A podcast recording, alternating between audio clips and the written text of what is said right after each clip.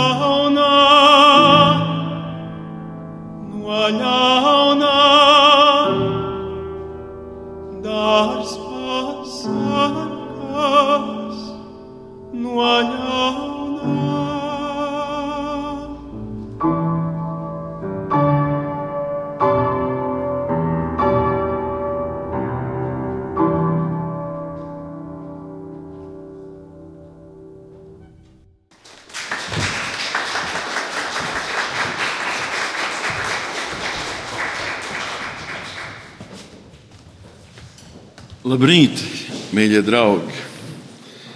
Prieks, ka jūs esat šeit nākuši, lai mēs eh, varētu teikt, kopā svinētu šīs brokastis un lūkšanu.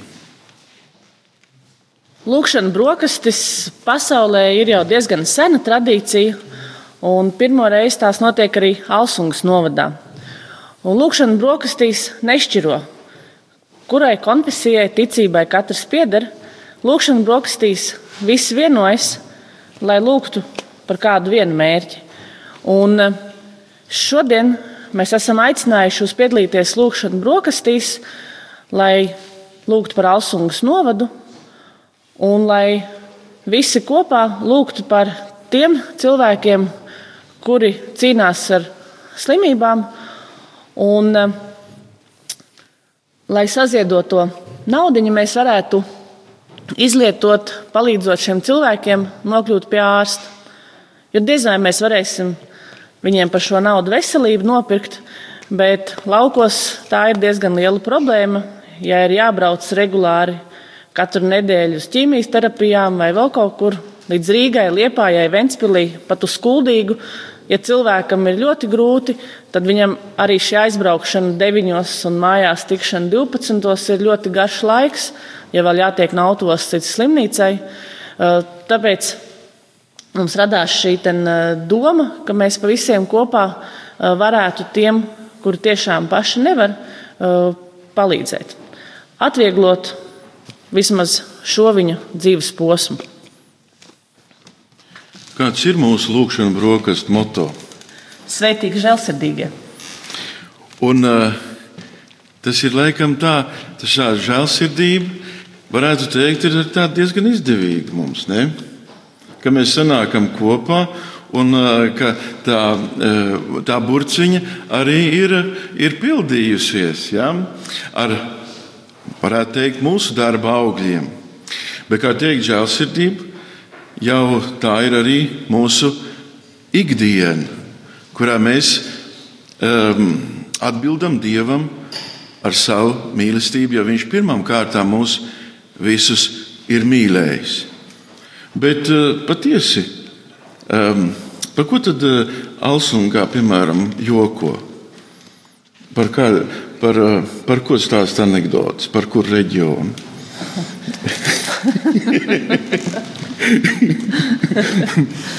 Ne, ne, mēs tam ļoti pieklājīgi mēs nu, labi, mēs to nepieminēsim, bet mēs visi ļoti labi zinām, kas tas ir. Jā. Kurš tas ir? Jā, kur mēs ļoti ātri braucam cauri.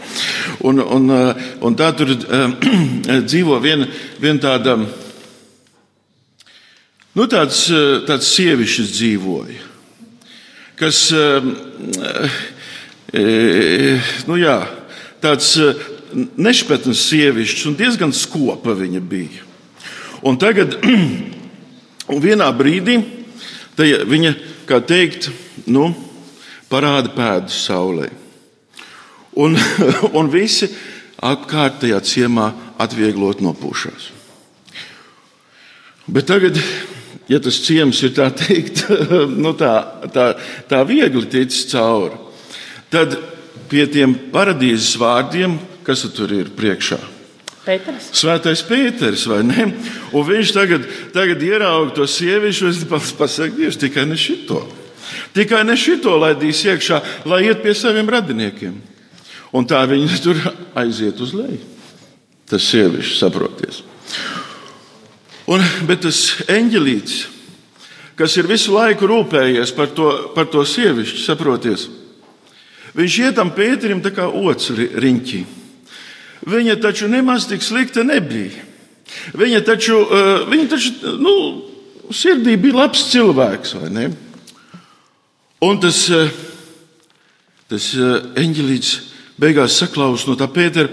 Viņš, viņš saka, nu labi, man jāsaudzē nervi savi. Ir. Nu labi, ja viņai būs kāds viens labs darbs, tad lai viņa nu, iet uz tām debesīm. Eņģelīts domā, domā, kas tur ir? Kāds labs darbs ir bijis viņai?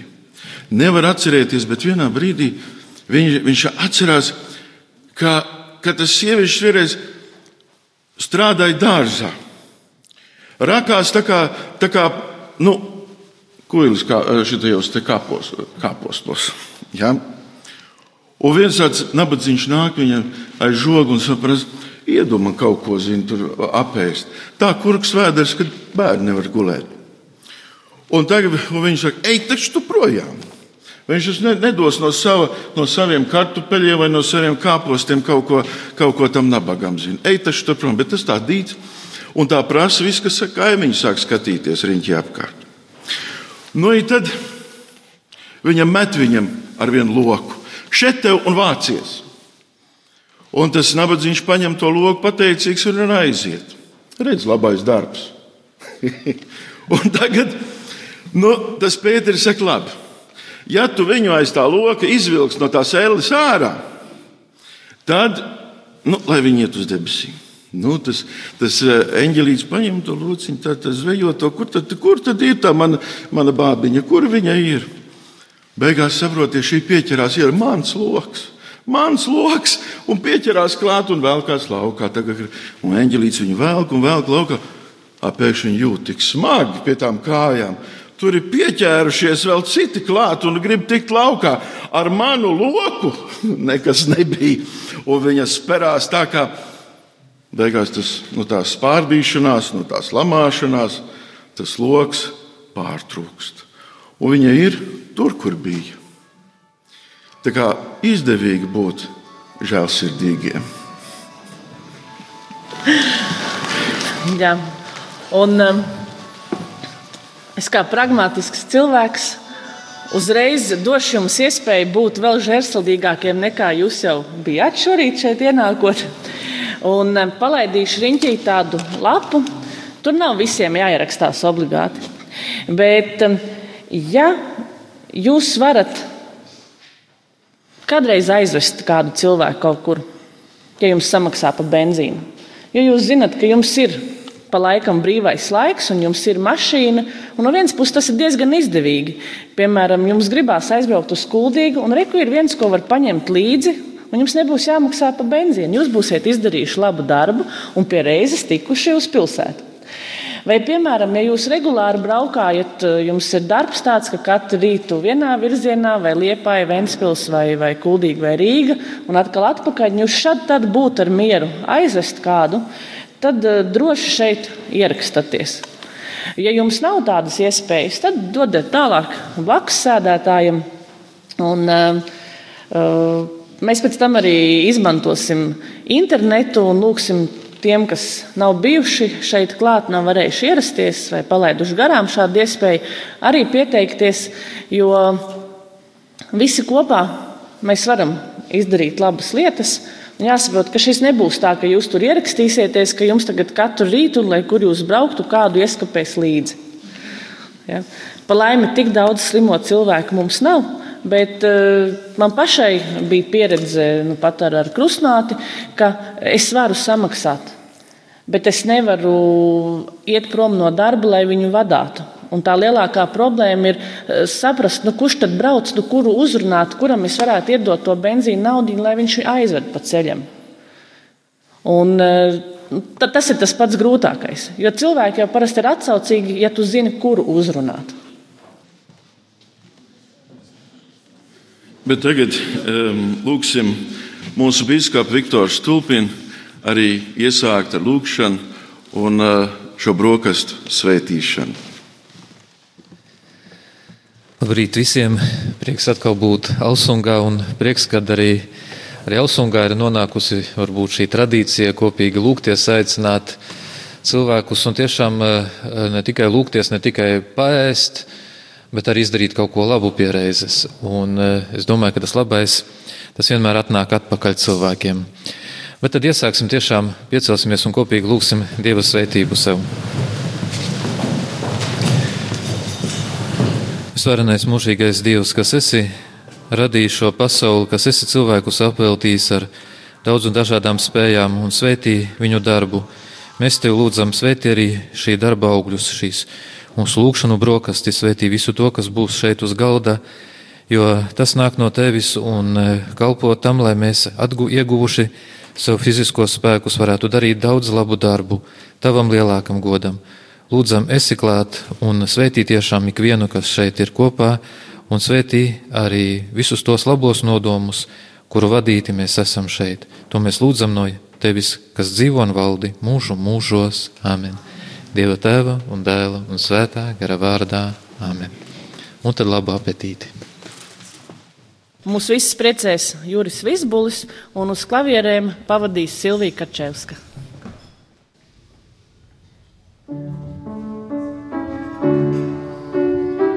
Oh.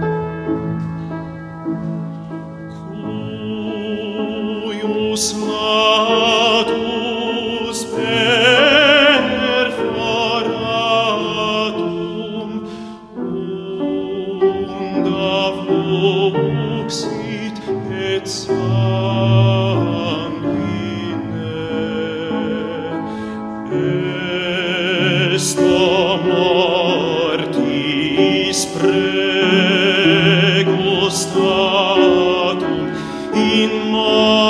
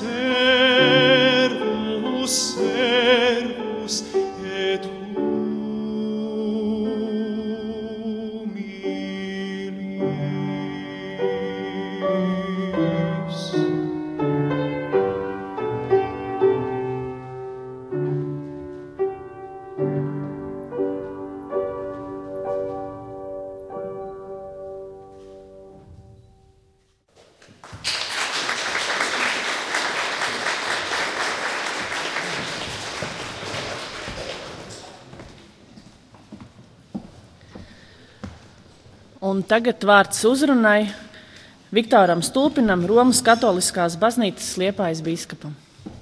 Kā jau iesākumā teica, šo lūkšanu brokastu moto ir Svētīgi žēlsirdīgie.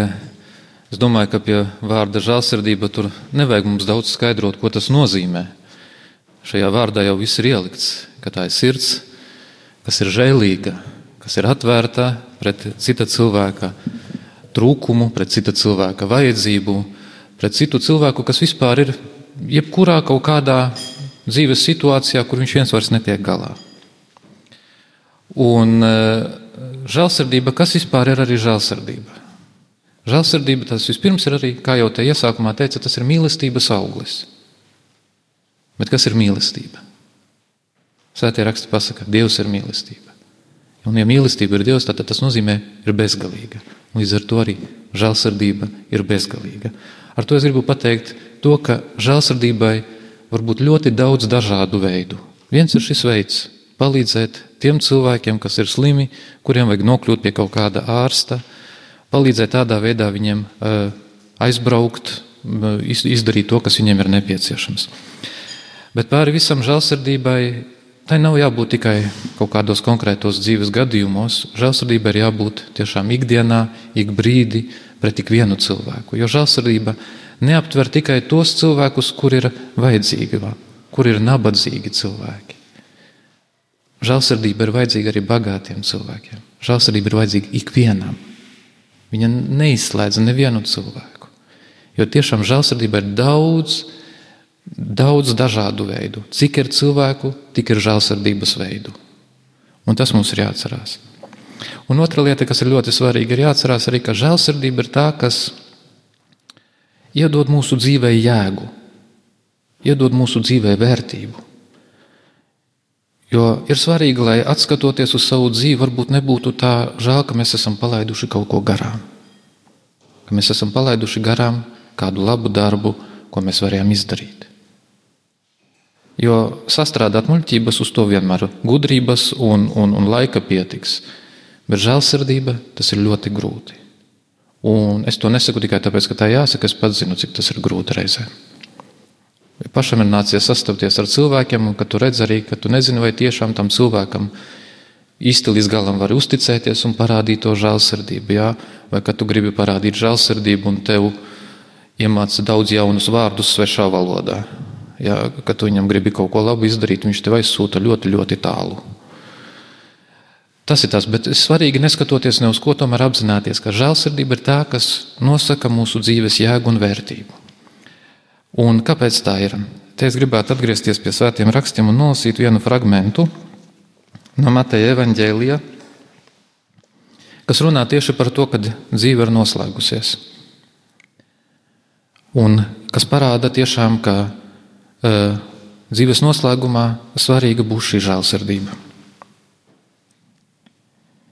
Tad ķēniņš sacīs tiem, kas būs viņam labajā pusē: Nāciet, mana tēva svētītie, un iemantojiet valstību, kas jums sagatavota no pasaules radīšanas. Es biju izsaucis, jūs mani paēdinājāt. Es biju izslāpis, jūs man devāt dzert. Es biju svešinieks, jūs mani pieņēmāt. Es biju kails, un jūs mani apģērbāt. Es biju slims, un jūs mani apmeklējāt. Es biju cietumā, un jūs atnācāt pie manis. Un tad taisnīgi atbildēs viņam un sacīs: Kungs, kad mēs esam redzējuši tevi izsalkušu un tevi paēdinājuši, izslāpuši un tev devuši dzert? Kad mēs esam redzējuši tevi kā svešinieku un tevi pieņēmuši, vai kailu un tevi apģērbuši? Kad mēs esam redzējuši tevi slimu vai cietumā un esam gājuši pie tevis? Un ķēniņš atbildēs viņiem un sacīs: Patiesi es jums saku, Ko jūs esat darījuši vienam no šiem maniem vismazākajiem brāļiem, to jūs esat man darījuši.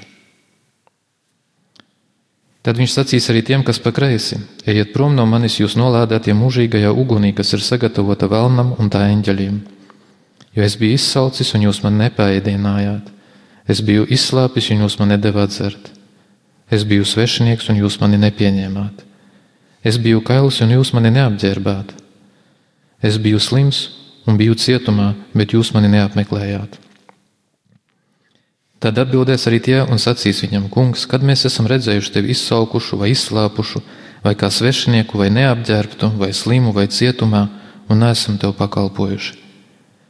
Tad viņš atbildēs tiem un sacīs: Patiesi es jums saku, ko jūs nesat darījuši vienam no šiem vismazākajiem, to jūs nesat arī man darījuši. Tā Kristus saka evaņģēlijā, runājot par cilvēka dzīves otro pusi, kad būs jānostājās arī mums visiem Dieva priekšā un jāatbild par to. Un e, es negribētu, lai arī šī žēlsirdība izskatītos tā, ka tagad mums ir bailes no tā, ka mūs aizsūtīs uz siltu vietu. Nē, tā ir jābūt tiešām e, tādai, ka mēs to darām ar atvērtu sirdi un pat varbūt arī kādreiz neieinteresēti. Pat ja šeit tiek vākta naudiņa, lai samaksātu par to benzīnu. Bet es gribētu aicināt, varbūt kādreiz arī bez tās benzīna naudas atnākiet un aizvediet kādu. Jo tad tā būs vēl lielāka žēlsirdība. Tad tā būs tiešām mūsu sirds palīdzība tam cilvēkam, kurš ir. Un gribu aicināt tiešām, lai tā būtu arī gudra žēlsirdība, prātīga žēlsirdība, kad palīdzēt tiešām tur, kur vajag palīdzēt. Jo mēs zinām, nu, Labi bija, kad atmodas gados mums daudz parādīja žēlsirdību no ārzemēm, kad nāca daudz palīdzības un nāk vēl aizvien dažkārt ar drēbēm, ar vēl visu kaut ko. Ja? Bet jautājums ir, cik mēs un cik daudz cilvēku to gudri un prātīgi arī izmantoja. Cik daudz varbūt arī radušies tādi, kas, kas to neizmanto labi, kas uz tā dzīvo. Tāpēc jābūt ir gudrai. Un žēlsirdība nozīmē iedot cilvēkam makšķeri, nevis zivi. Kur vien tas ir iespējams? Iedot vispirms makšķeri. Ja vien tas tā ir, tiešām cilvēka situācija ir iespējams. Un tāpēc ir, ir jālūdz, lai Dievs arī tiešām dāvā mums katram šo gudrību. Pamanīt katru cilvēku, kurš ir vajadzībā, pamanīt viņa vajadzību, pamanīt, kā viņam palīdzēt, lai nenodarītu viņam pāri.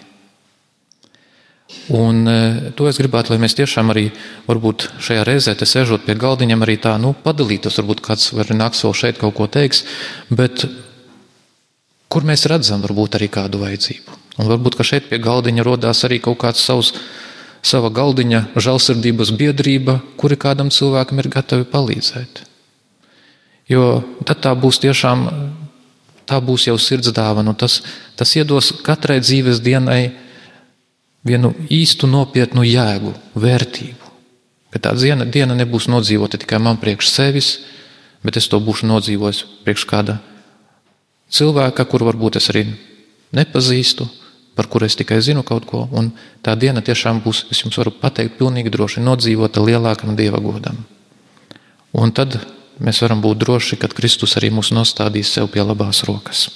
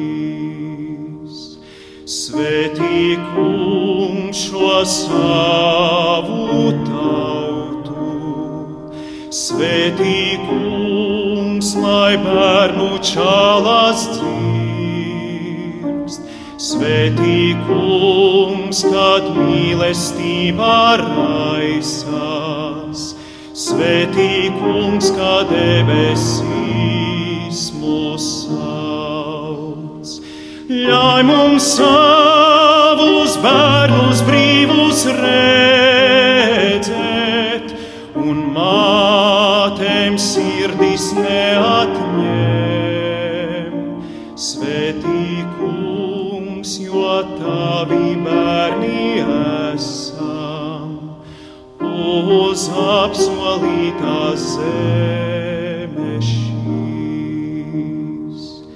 Svētī kungs, kad lūksnas lūpās raisās, Svētī kungs, lai domas darbi dzied, Svētī kungs, lai dvēsļu vēl vēsīs.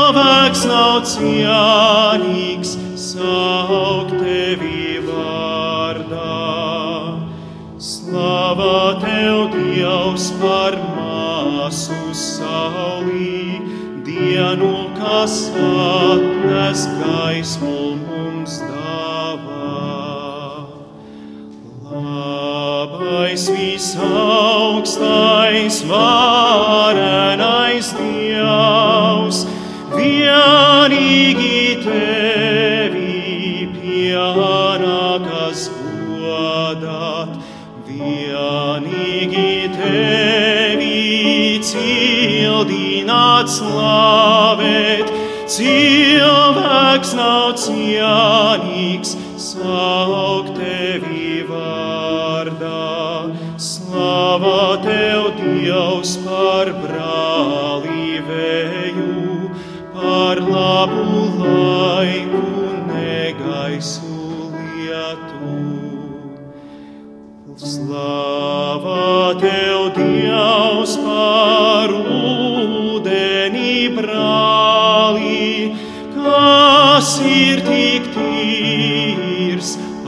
pazemīgs un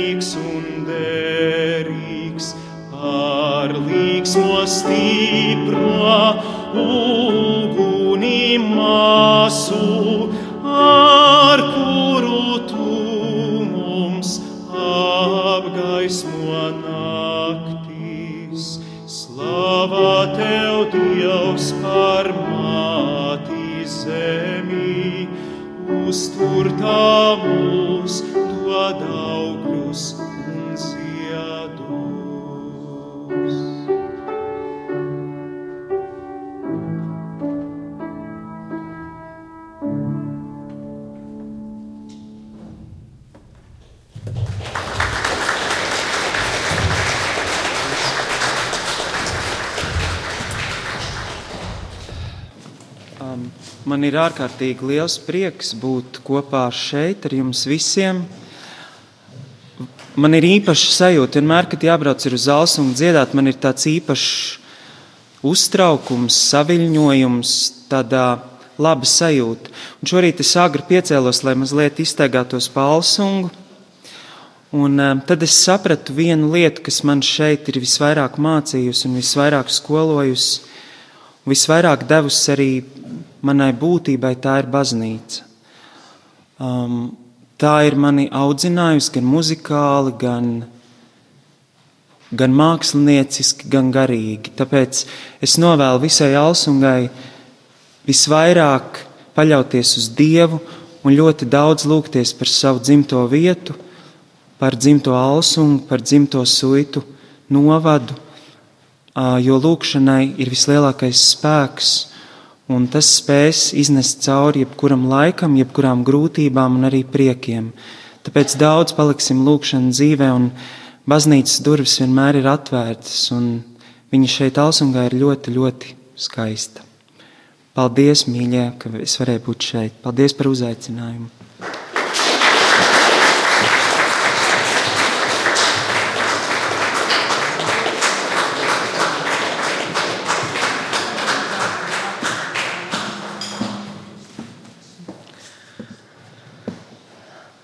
Un tagad aicinu dalīties ar savu pieredzes stāstu Helēnu.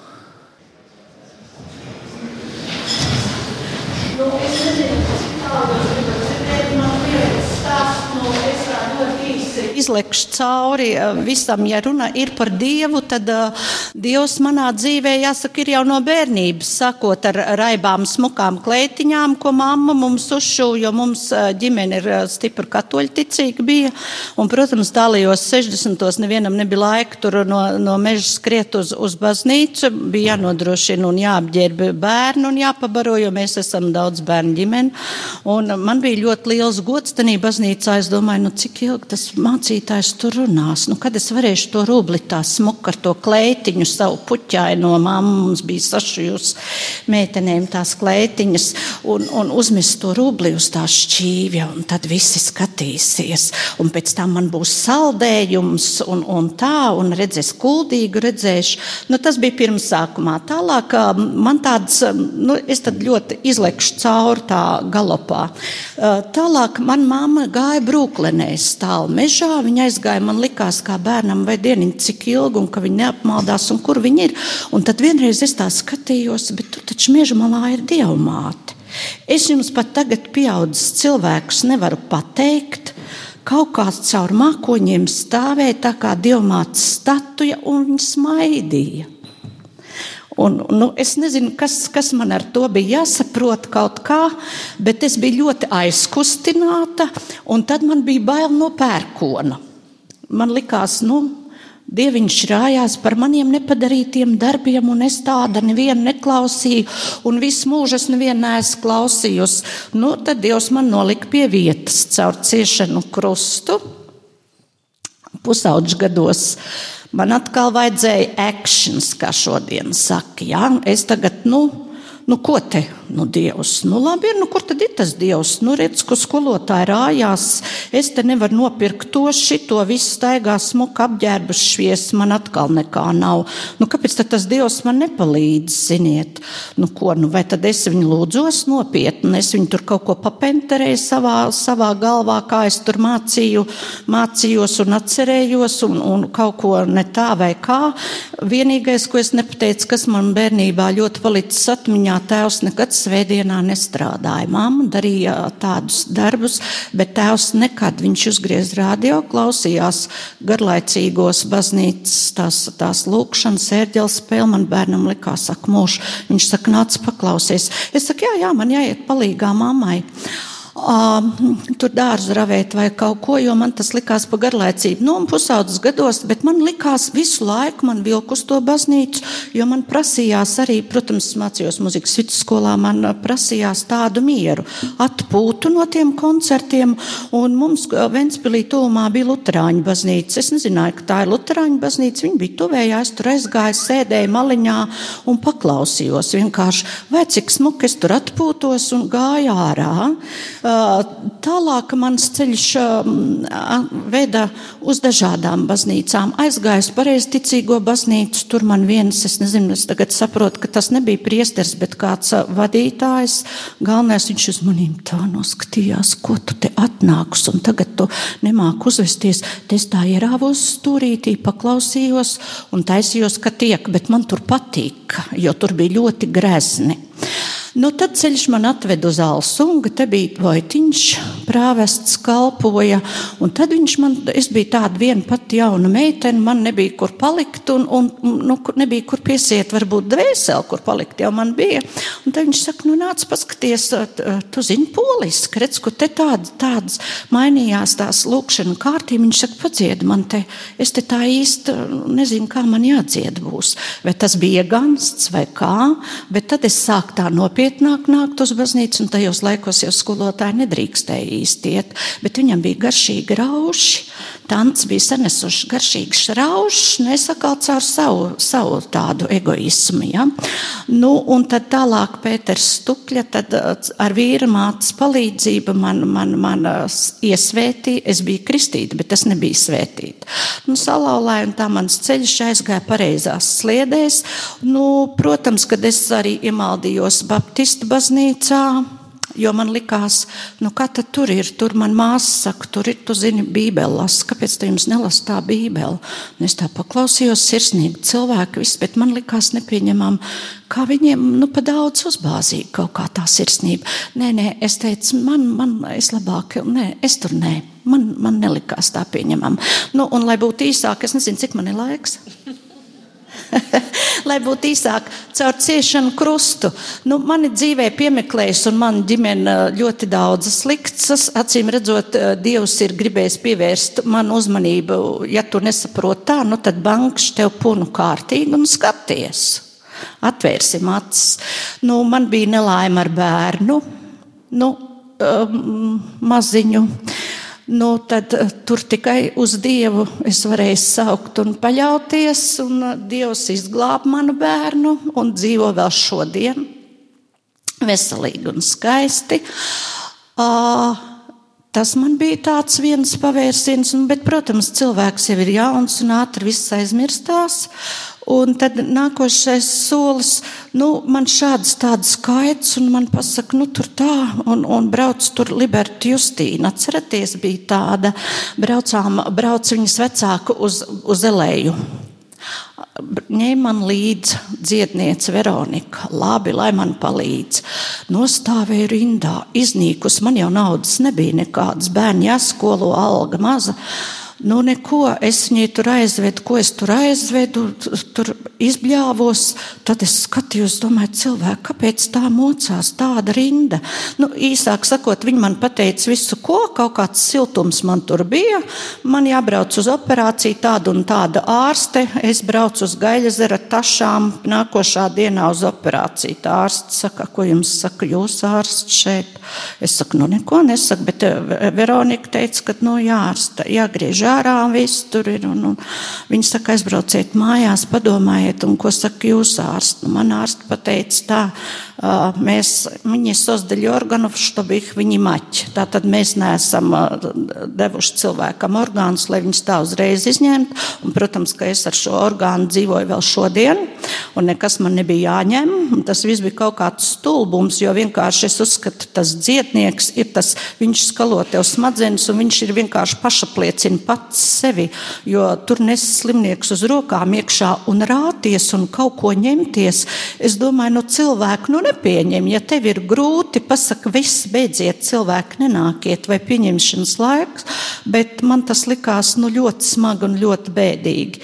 Nu, tad nākošais solis man piemeklēja atkal cita slimība, ko man tā dižā Veronika nepateica, bet ko man atklāja ārsts. Nu, protams, kad nu, ar Dievu palīdzību es izārstējos, un pēdējais, kas man bija, nu, man atvēra acis pilnībā. Tu vēl nesaproti, tad šeit tev vēl. Nu, neko, nu, kas šeit tas šeit, nu, nākošais, kas man tā lika apdomāties, es ļoti ilgi biju, nu, jūs jau zinat, ka es biju onkoloģiskajā slimnīcā ilgu laiku, es ārstējos. Nu, lūk, un, un, un, un tur nav ko darīt cilvēkam, tur tur redz tādas šausmas, ka pirmais ir, ak, kungs, kāpēc man? Ko es tādu izdarīju? Kāpēc es? Nu, acīm redzot, tā tad Dievs uzdod tādu pienākumu, tev ir jāizdomā, tev ir jāpārdomā dzīve. Stop, norauj rokas bremzi un tagad domā. Nu, tur man bija laiks domāt, daudz laika, un es tur lasīju Bībeli. Man nebija cits nekas, ko darīt. Es lasīju Bībeli. Es lasīju Bībeli, brīžam man bija jāsmējās, brīžam man bija jāraud. Nu tā. Un, uh, Ko es gribu pateikt? Es tur redzēju jaunus, vecus, dažādus cilvēkus. Žēlsirdība ir laba lieta. Jā, bet uh, varbūt tam cilvēkam vajag šo te, ko tas Dievs noliek mūs uz zemes. Jo, jo nu, es visu, visu laiku esmu teikusi to, ka cilvēks ir vertikāls starp debesīm un zemi. Jā? Tātad ar kājām uz zemes skatiens debesīs. Nu, kā lai es pasaku labāk, tiekties pēc tā gaišā. Nu, un, un no tā, tā man bija mācība tāda, ka acīm redzot, ja es pukstēju par savu darbu, es viņu mainīju 111 reizes, tad es teikšu tā, man ļoti patīk mans darbs, es jūtos ļoti vajadzīga savā vietā, un man cilvēks, cilvēki patīk. Bet cilvēkiem brīžam, jūs teiksiet, man jau saka, es bāžos visur, kur, kur vajag un kur nevajag. Bet man ir tāda prasība, tā, nu, es varbūt, man ir tāds uzdevums no Dieva, nu, es nezinu, es neesmu tik gudri, tik pareiza, kad man ir jāpasaka tas tam cilvēkam. Es viņam nelieku to darīt vai kā, bet es viņam pasaku, nevis norādu, bet pasaku, lai viņš tad domā tālāk. Tāpat kā slimnīcā es esmu teikusi, nu, varbūt, ka jums jāiet uz baznīcu baznīcu, paskatās uz maniem kā uz dīvainu, nu neko, nu, nu varbūt dīvaini, jā. Tad man ir teikuši, nu kur ir tas tavs dievs, nu kur ir, es saku, caur lūkšanu, Vēl nav laiks, Dievs neko nenokavē, visam savs laiks, un paldies Dievam, es šodien esmu sveika un vesela, šeit stāvu un mierīgi var runāt, jo tas nav Onkoloģija nav aizbraukt uz ķīmijterapiju, tas nav aizbraukt uz starošanu. Tas ir tev pilnībā sabojāts organisms. Nē, ārsti to nebojā. Tas ir tavs nopelnīts. Kā viena māsiņa teica, jūs te visi esat nopelnījuši, un tagad te baidaties un nākat. Jā, jā, jā cilvēki. Mēs sev nopelnām to ciešanu krustu. Jo mēs nedzīvojam pēc dieva baušļiem, mēs gribam būt visu vareni. Mēs jau gribam būt dievs, dieva vietnieki šeit zemes virsū. Nav man paprātam, vai nu kāpēc šodien līst, varētu taču spīdēt, nu pietiek lietu vispār. Bet mēs neprotam priecāties par to, kas mums, mums ir. Mēs esam dzīvi, mēs varam redzēt saulriet, mēs te sēžam pie pilniem galdiem, mēs te sēžam, varam gudri parunāt, bet ir cilvēki, kas cieš. Jā, katram ir savs ciešanu krusts, katram jāizdara aizdzer savu ciešanu kausu, bet nevajag uh, saukt nepareizi uz Dievu. Nē. Dievs mums visu uh, šo te uh, dod kā skolu, tā ir kā mācība, un lai mēs darītu labus darbus. Un ja mēs arī ārsti citi ir ļoti lepni, jo, jo saprot, viņi var palīdzēt cilvēkiem, viņi jūtās nu, kā, kā uh, dievs zemes virsū. Nu, nē, nu, tad, ja jums ir lepnības pār pārējiem un jūs gribat būt dievs zemes virsū, aizbrauciet uz kādu pansionātu. Aizbrauciet uz kādu pansionātu, paskatieties. Tāds liktenis mums var būt jebkuram. Tā kā mēs nezinām, kas būs, kā būs, un visu mēs gribam zināt uz priekšu. Tāpēc jau ir tie dzietnieki, ir tie horoskopi un visādas citādas muļķības. Nu, tā ir, protams, kaut kāda nu, cilvēka glupība. Nu, ko tad mēs darīsim? Vai Dievs mums nav līdzi zināt uz priekšu? Nu, tagad mēs visu savu dzīvi zināsim uz priekšu un tālāk. Nu, ko tad mēs tur izdarīsim, ja mēs tagad zināsim uz priekšu? Vai būs interesanti, kur tad būs tas akcents, kur tad tālāk meklēsim viņu? Ja? Nu, tā, un, un ja runā par žēlsirdību, jā, ir jābūt žēlsirdībiem, bet varbūt, žēlsirdība ir arī tā pateikt tam slimam cilvēkam, beidz zudīties. Ārsti skrien par tevīm rūpējās. Tevi apuišo, visi, visi, visi rūpējās. Nu, cilvēks gaida kaut kādu gatavu recepti. Tagad ar šitā, tagad ar šitā, tagad vēl kaut kā, un šitas tev palīdzēs. Vat šito te smērē, šitas tev būs riktīgais. Nu, nē, cilvēki, kusties, atrod pats, kurš tad tev būs tas īstais, jo tikai ieklausies Dievs jau klusiņā tā saka, viņš jau neuzbāž tev. Viņš tā klusiņām kaut ko, un ja tu nokavē to kluso, to, to, to nu tad tu esi nokavējis, tad tu pats esi. À, es aizmirsu vēl vienu tādu izdarīt, izstāstīt. Interesanti. Es jau arī, arī biju tā pati savas laimes kalējis. Ja? Nu, kaļ tā, kas dzing, tā, ka dzings, tā, ka iet šķilas pa gaisu, bet neko jau tu neesi uzkāls bez tā dievu ziņas. Jo dievs, es vēlreiz saku, ir nolicis katram savu ceļu. Pilnīgi absolūti pareizi, nepareizi Viņš tur tāds bagāts un viss bagāts vai nabaks, viņam ir jāizdzer savus ciešanu kausus un tā. Nu jā, pa to laimes kalēju. Nu, man bija bērns maziņš un tagad vajag daudz naudas un kolhos likvidējās, vīram, vīras zaudēja darbu.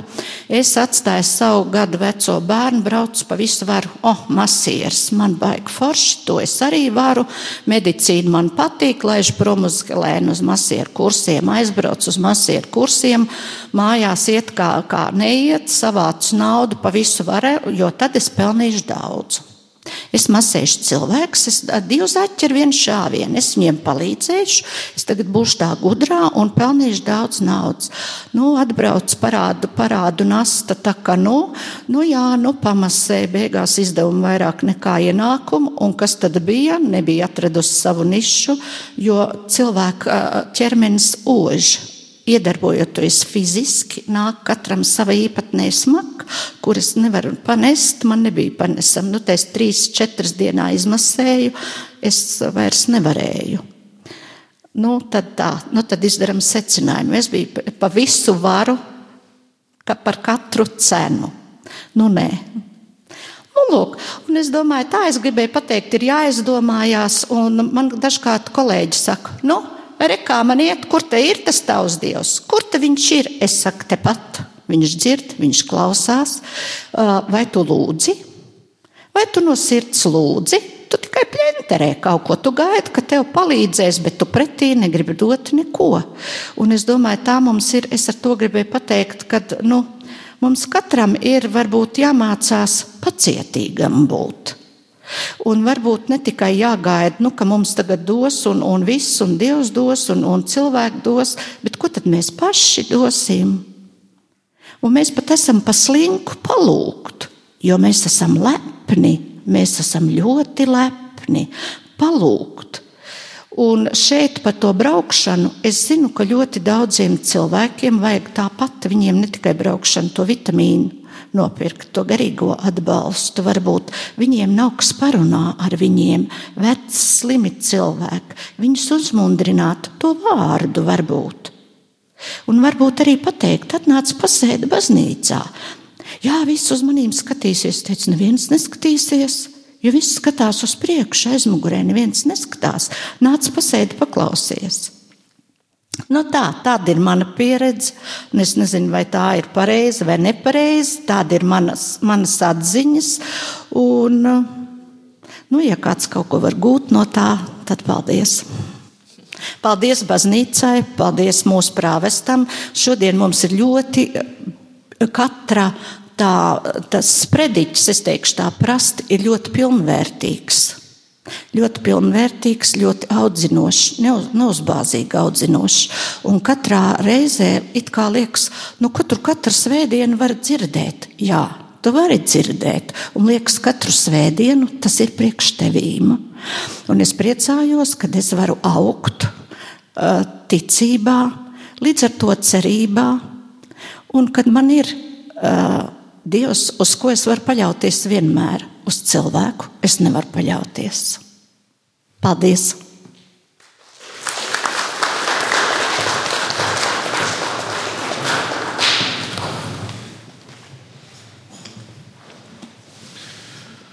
Paldies Jurim par ticības liecību. Paldies tev, Helēna, par, par šo dzīves pieredzi, kuru tu arī, ar kuru tu varēji dalīties. Bet tagad aicinu mācītāju Ernāru Jaunskaužu, evaņģēlis Lutriskās baznīcas Liepājas diecēs ģenerālvikāru. Ļoti cienījamais ekscelences Liepājas biskups Viktor, ļoti cienījamais Alsungs, Svētā Miķeļa draugs prāvests, Alsungs novada domas vadība un visi klātesošie Alsunsnieki. Šajā brīdī mēs joprojām esam gaišā un priecīgā Kristus piedzimšanas svētku laika līdzdalībnieki. Un arī šeit, Ausungā, mēs joprojām skatām svētku rotas, gan dievnamā, un ir redzama to, ka Betlēmīte un Egli ir uzlikta arī šeit kultūras namā. Un tāpēc visus gribu apsveikt gaišajos, priecīgajos Kristus piedzimšanas svētkos. Zims ir pestītājs, caur viņu ir sācies gara patiesības un mūžīgās dzīvības gaismas uzvaras ceļš. Šo lūkšanu brokastu temats ir žēlsirdība. Žēlsirdība ir dieva būtība, kas viņu raksturo attiecībās ar pasauli un attiecībās ar mums kā cilvēkiem. Ne par velti psalmu grāmatā mēs lasām. Lēnīgs un šēlīgs ir tas kungs. Viņš ir bagāts žēlastībā.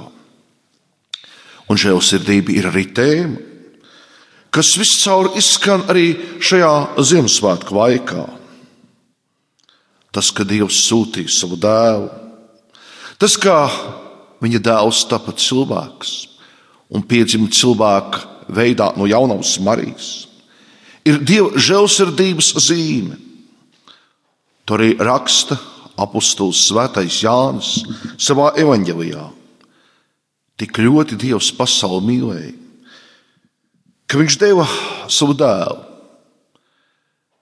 Lai neviens, kas viņam tic, nepazustu, bet mantotu mūžīgu dzīvību.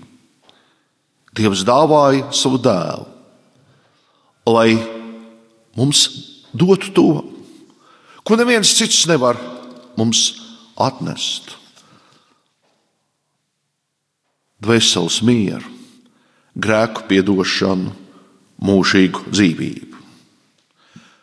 Taču Dievs dāvādams savu žēlastību, sagaida no mums, lai arī mēs savā dzīvē parādām žēlsirdību. Un Kristus Kalnas prediķīs saka, svētīgi žēlsirdīgie, jo tie žēlastību dabūs. Kristus vairāk kārt evanģēlijā uzsver žēlsirdības ienešanu dzīvē, kā mūsu ticības piepildījumu kas ir izšķiroši mūsu ceļā uz ticības mērķa, Dieva valstību. Tā tas izskan līdzībā par žēlsirdīgo samarieti. Tā tas izskan jau biskupa Viktora pieminētajā līdzībā par pastaro tiesu. Žēlsirdīgais samarietis, palīdzot nelaimīgajam dzīvē, izpilda dieva gribu. Un tas, ka mēs esam gatavi kalpot mūsu tuvākajiem, arī ar to mēs izpildām savā dzīvē Dieva gribu. Tā kā Kristus piedzimšanas svētku laiks daudz runā par Dieva žēlsirdību un aicina mūs būt žēlsirdīgiem, tad arī šajā laikā notiek visdažādākās žēlsirdības akcijas, lai palīdzētu dzīvēt tiem, kam neklājas viegli. Un žēlsirdībā esam aicināti dalīties ik viens, katrs ar savām iespējām. Un tie nevienmēr ir materiāli ziedojumi. Tas kādreiz ir arī labs vārds, arī lūkšana, ko mēs lūdzam viens par otru. Žēl ir tikai bieži vien tas, ka tie, kam ir vislielākās iespējas palīdzēt, to nedara. Un kādreiz arī mēs, kristieši, paiet vienaldzīgi garām tiem, kam vajadzīga mūsu palīdzība. Nožēlojami arī ir tas, ka sliktu piemēru bieži vien šai ziņā parāda valsts varas nesēji. Un tāpēc Latvijā nevalda sociālais taisnīgums, bet aizvien padziļinās vai starp trūcīgiem un turīgiem. Nekas šo netaisnību nevar likvidēt. Kā mūsu ieklausīšanās sirdsapziņas balsī, kā mūsu sekošana Dieva aicinājumam, kā mūsu sekošana Dieva vārdam un šo sekošanu Dieva aicinājumiem, ieklausīšanos mūsu sirdsapziņas balsī, kur Dievs uz mums runā, gribu novēlēt mums visiem šai priekšā stāvošajā gadā. Vēlēt visiem piepildīt Dieva gribu. Tad atplauks mūsu Latvijas valsts, kas šogad svinējis savu simtgadi. Un tad, protams, arī labāk dzīve būs arī ausungs nodā jums visiem. Lai Dievs jums to palīdz!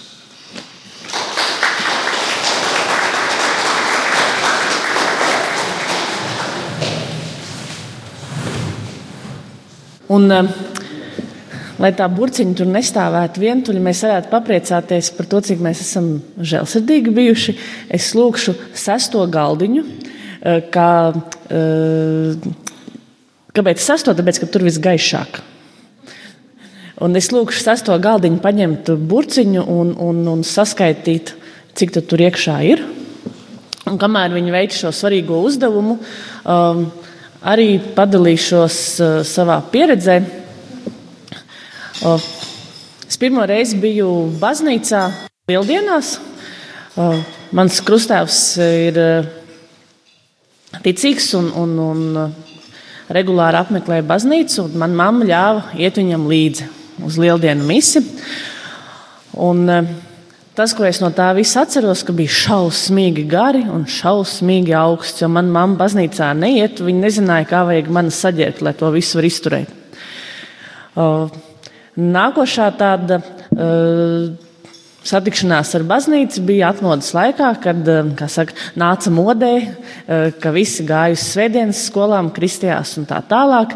Nu, kad visi iet, mēs arī visi ejam. Un, tajā svētdienas skolā ienāca priesteris pēc dievkalpojuma, un viņš kaut ko ēda. Un, Un viņš bija ļoti tuvu man. Man ļoti nepatika tā ēdienu smaka un, un, un tā runāšana ar pilnu muti. Un, un tas bija pēdējā reize, kad es gāju svētdienas skolā. Uh, pēc tam es satiku savu vīru.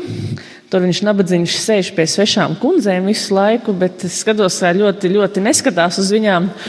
Un, uh, Viņš man bija bildinājis, un uh, mēs aizgājām nu, kā, uh, viņa mammai pateikt, ka mēs nu precēsimies. Tā mamma noprasīja, vai tu esi kristīta? Ne, vai tu esi luterāna? Es teicu, nē. Uh, tu esi katolieta? Es teicu, nē. Tad tu būsi.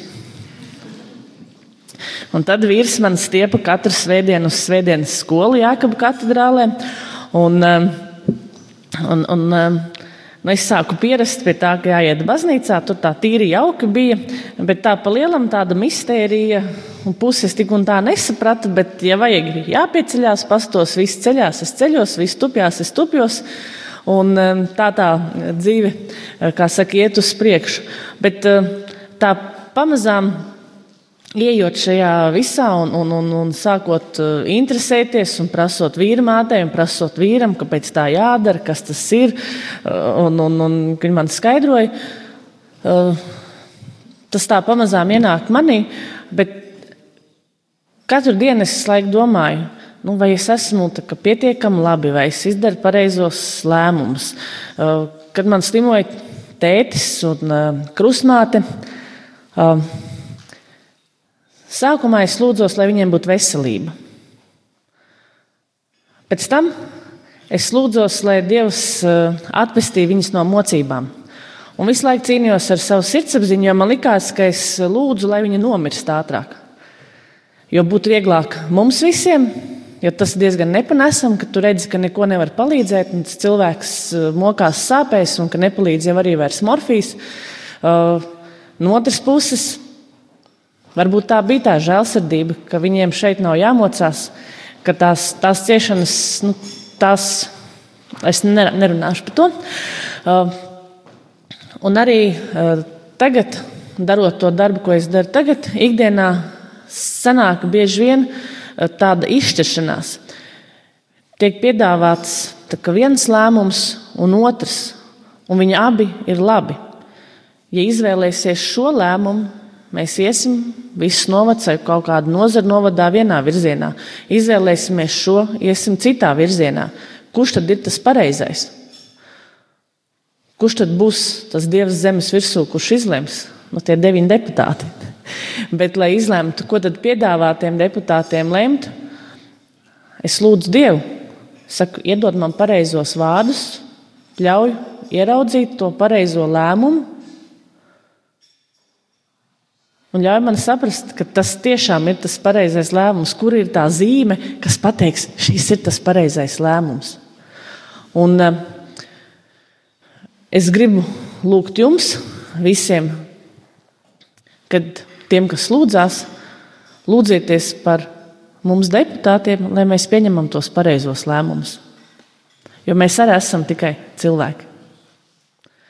Un tagad vārds uh, skaitīšanas komisijai. No burciņā ir savāktas 405 eiro. Ja? Tā kā būs kādam laiciņam, kur doties.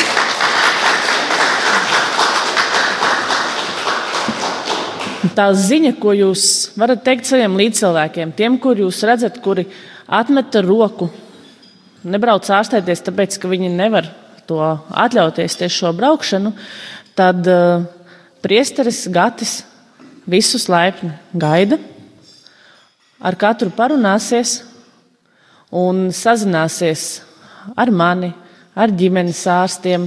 Un pa visiem kopā mēs mēģināsim atrast to pareizāko risinājumu. Vai kāds, es redzēju, ka tā lapiņa bija diezgan pilna pierakstīta, jo nebija vairs vietas, vai kādu sarunāt, kurš brauc, kurš aizvedīs, vai mēģināt atrast vai iedot naudu benzīnam, ja nav. Un es aicinātu arī jūs lūgties, lai mēs pa visiem pieņemam to pareizāko lēmumu lai būtu tā nauda tiešām tiem, kam tā ir vajadzīga, un lai uh, būtu pareizais, varbūt padoms tiem, kas uh, vienkārši nu, tā, ah, ja tur dod, kāpēc nepaņemt, kāpēc jātērē savējā. Manējā vēl noderēs, ka es būšu vesels. Ja? Tā kā, lai, lai cilvēki būtu godīgi, uh, lai mēs paši uh, būtu redzīgi un uh, pamātu un pateikt līdz cilvēkiem, ka ir tāda iespēja, lai viņi nenolaiž rokas un lai tā naudiņa uh, pietiktu mums vismaz vienam gadam līdz nākošajām brokastīm. Un tagad, ja kāds vēl vēlas stāstīt kādu pieredzes stāstu, laipni lūgti.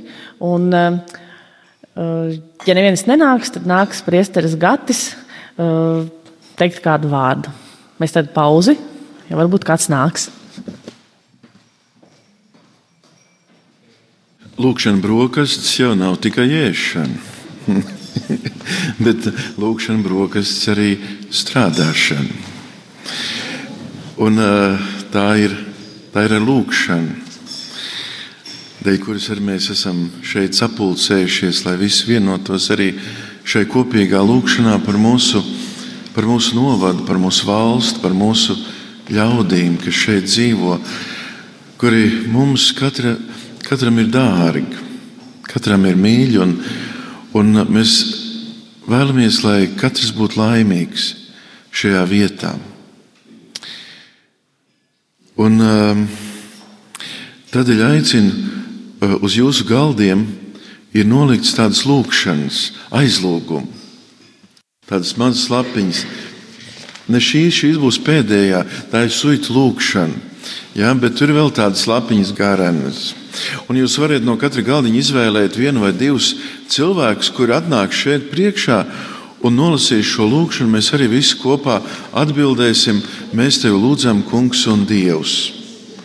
Un um, liecināms no savas dzīves pieredzes par Dievu, par ticību, tad droši var nākt šeit un uh, stāstīt. Jo baznīca ir tā, kura liecina. Baznīca ir tā, kura nes šo ticības liecību pasaulē. Un mēs visi esam baznīca. Mēs visi esam baznīca. Tas mūs katru kā mazu akmentiņu, kā mazu ķieģelīti ir ielicis baznīcā, lai mēs šeit būtu. Un, eh, ja, ja tā nav, tad kaut kas iztrūkst. Tad kaut kas ir, mm, kaut kas ir kaut kas bojājās. Tad. Tāpēc mēs katrs esam savā vietā. Un eh, eh, tādēļ aicinu arī uz šo kopējo lūkšanu.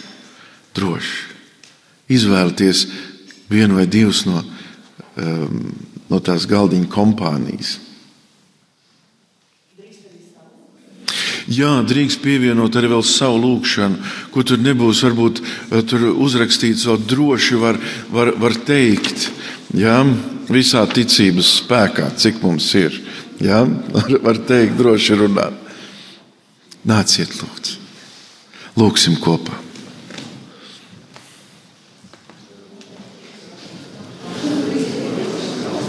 Deputāti, ja? kas no katra galdiņa ir izvēlēti, var nākt šeit. Jūs esat izvēlētie, ja? Man tas, man tas vērts pa augstu vai kā? te tuvāk mikrofonam, lai tas ierakstās, lai paliek vēsturē.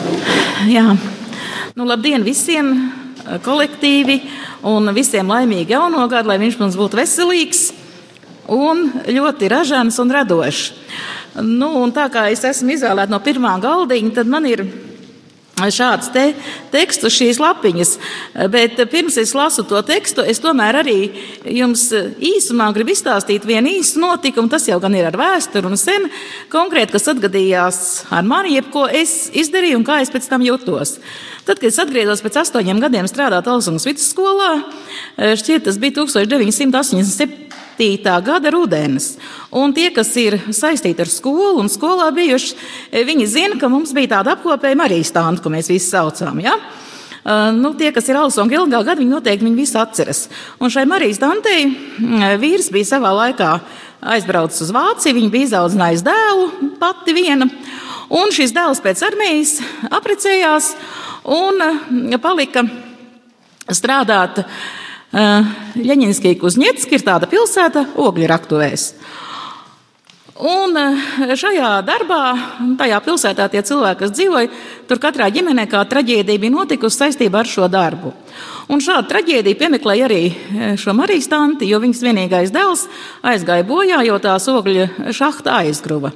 Un viņa laikā nepaspēja no turienes iznest, un viņš noslāpa. Ja? Un tagad pienāk telegramma, ka viņai ir jābrauc uz bērēm.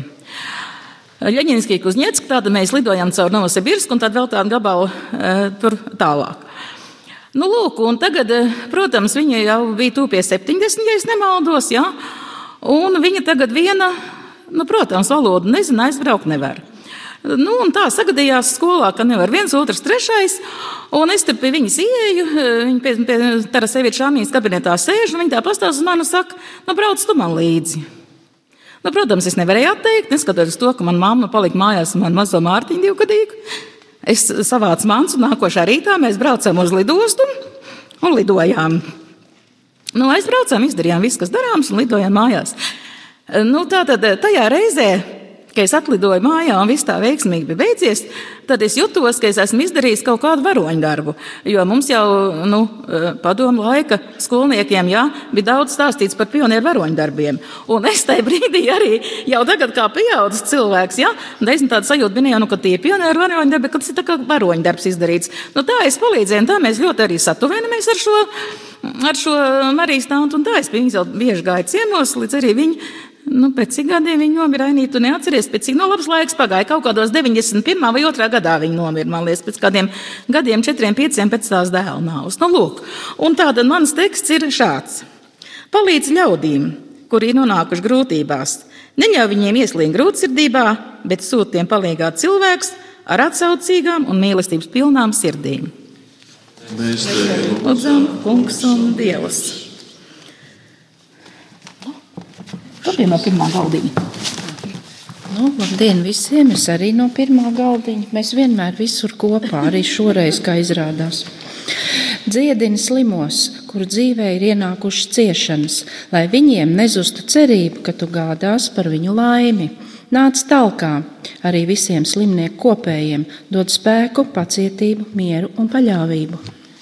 Mēs tevi lūdzam, Kungs un Dievs!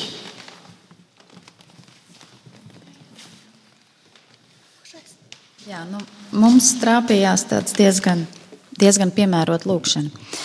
Vadi un pasarga tos, kas pieņem politiskos lēmumus. Dari, lai cilvēki neieslīgt mankārības un naudas varā, lai katrs politiķis rīkotos tautas labā. Mēs tevi lūdzam, Kungs un Dievs!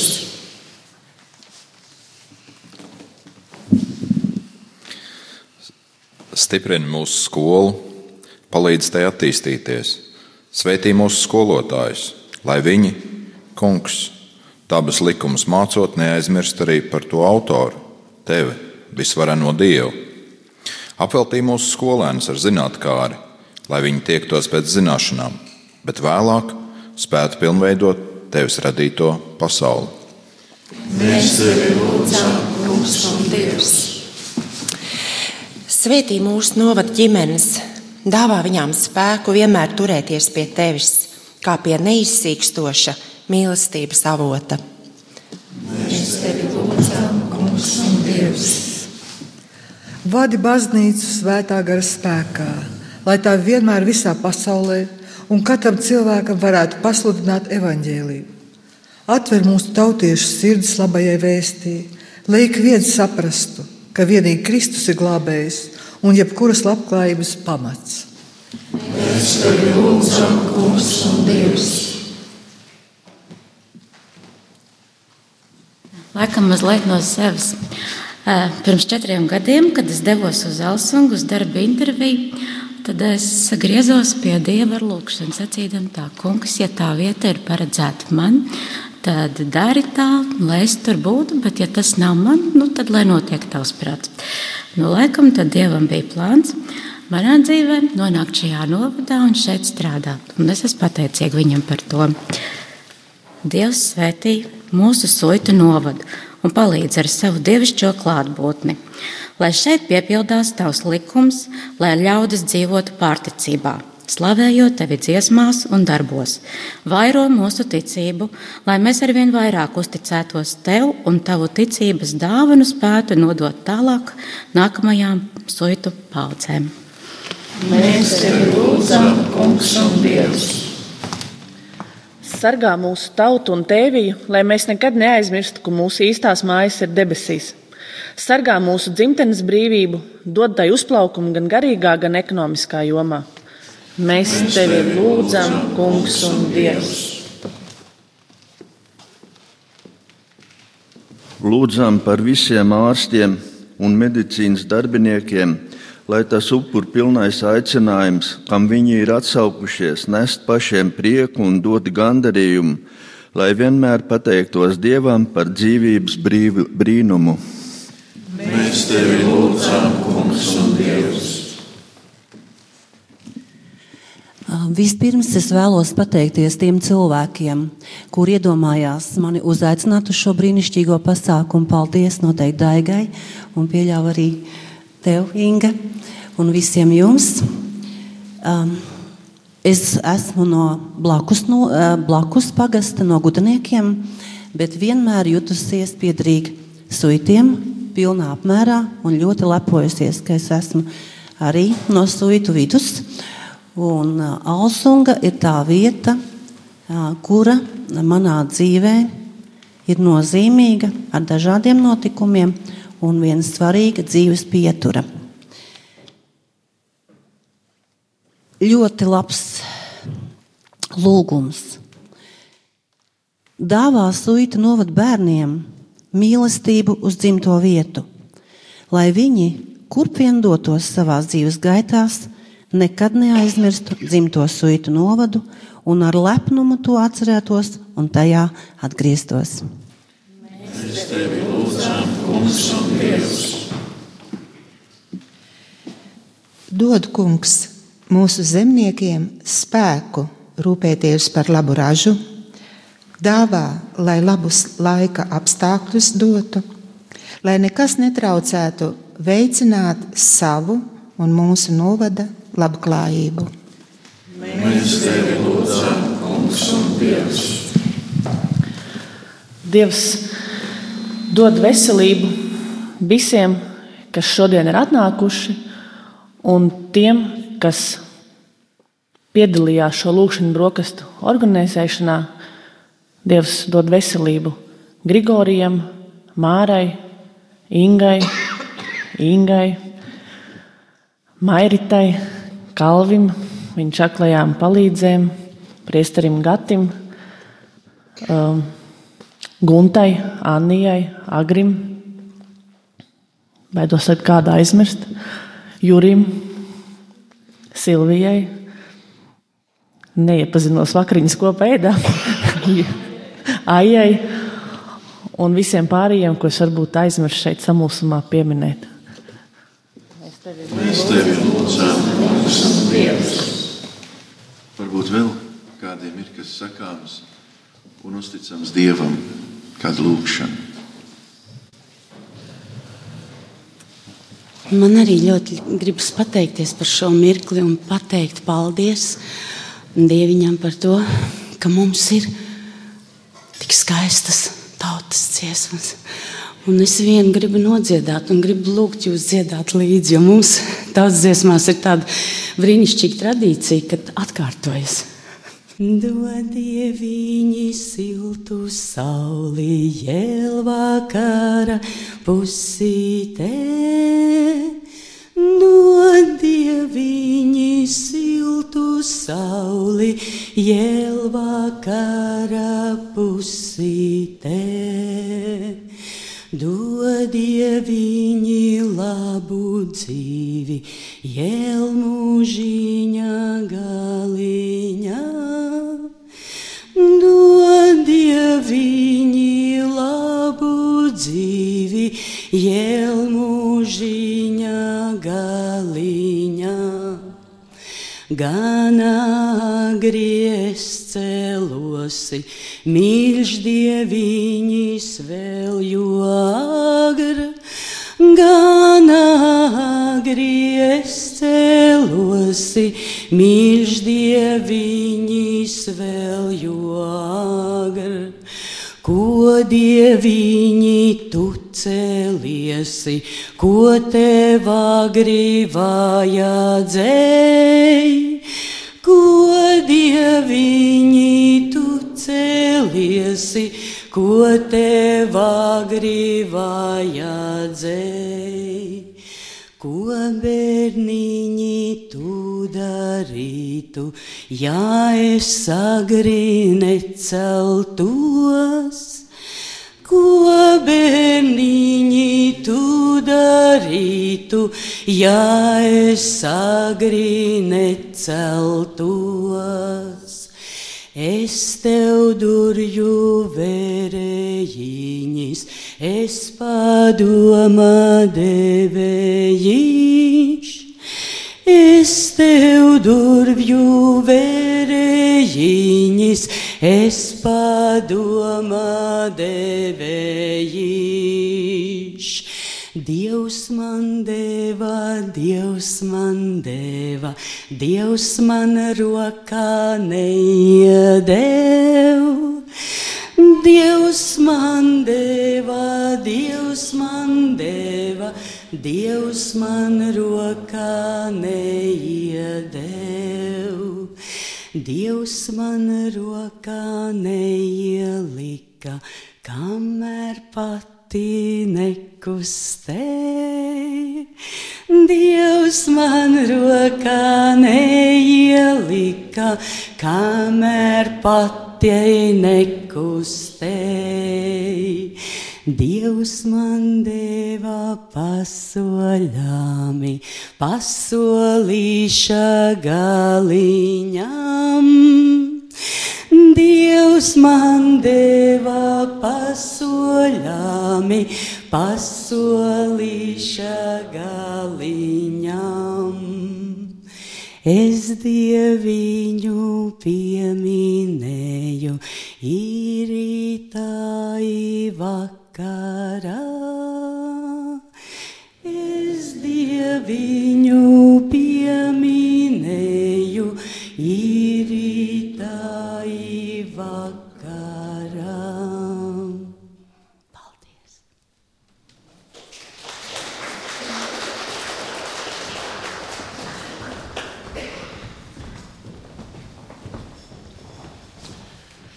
Bet tagad aicinu jūs visus, pirms mēs lūdzam tēvreiz un saņemam svētību, piecelties un noskaidīt šo suitu lūkšanu, kas mūs jau kādu ilgāku laiku šeit pavada un um, ko mēs jau varētu teikt ikdienā lūdzam.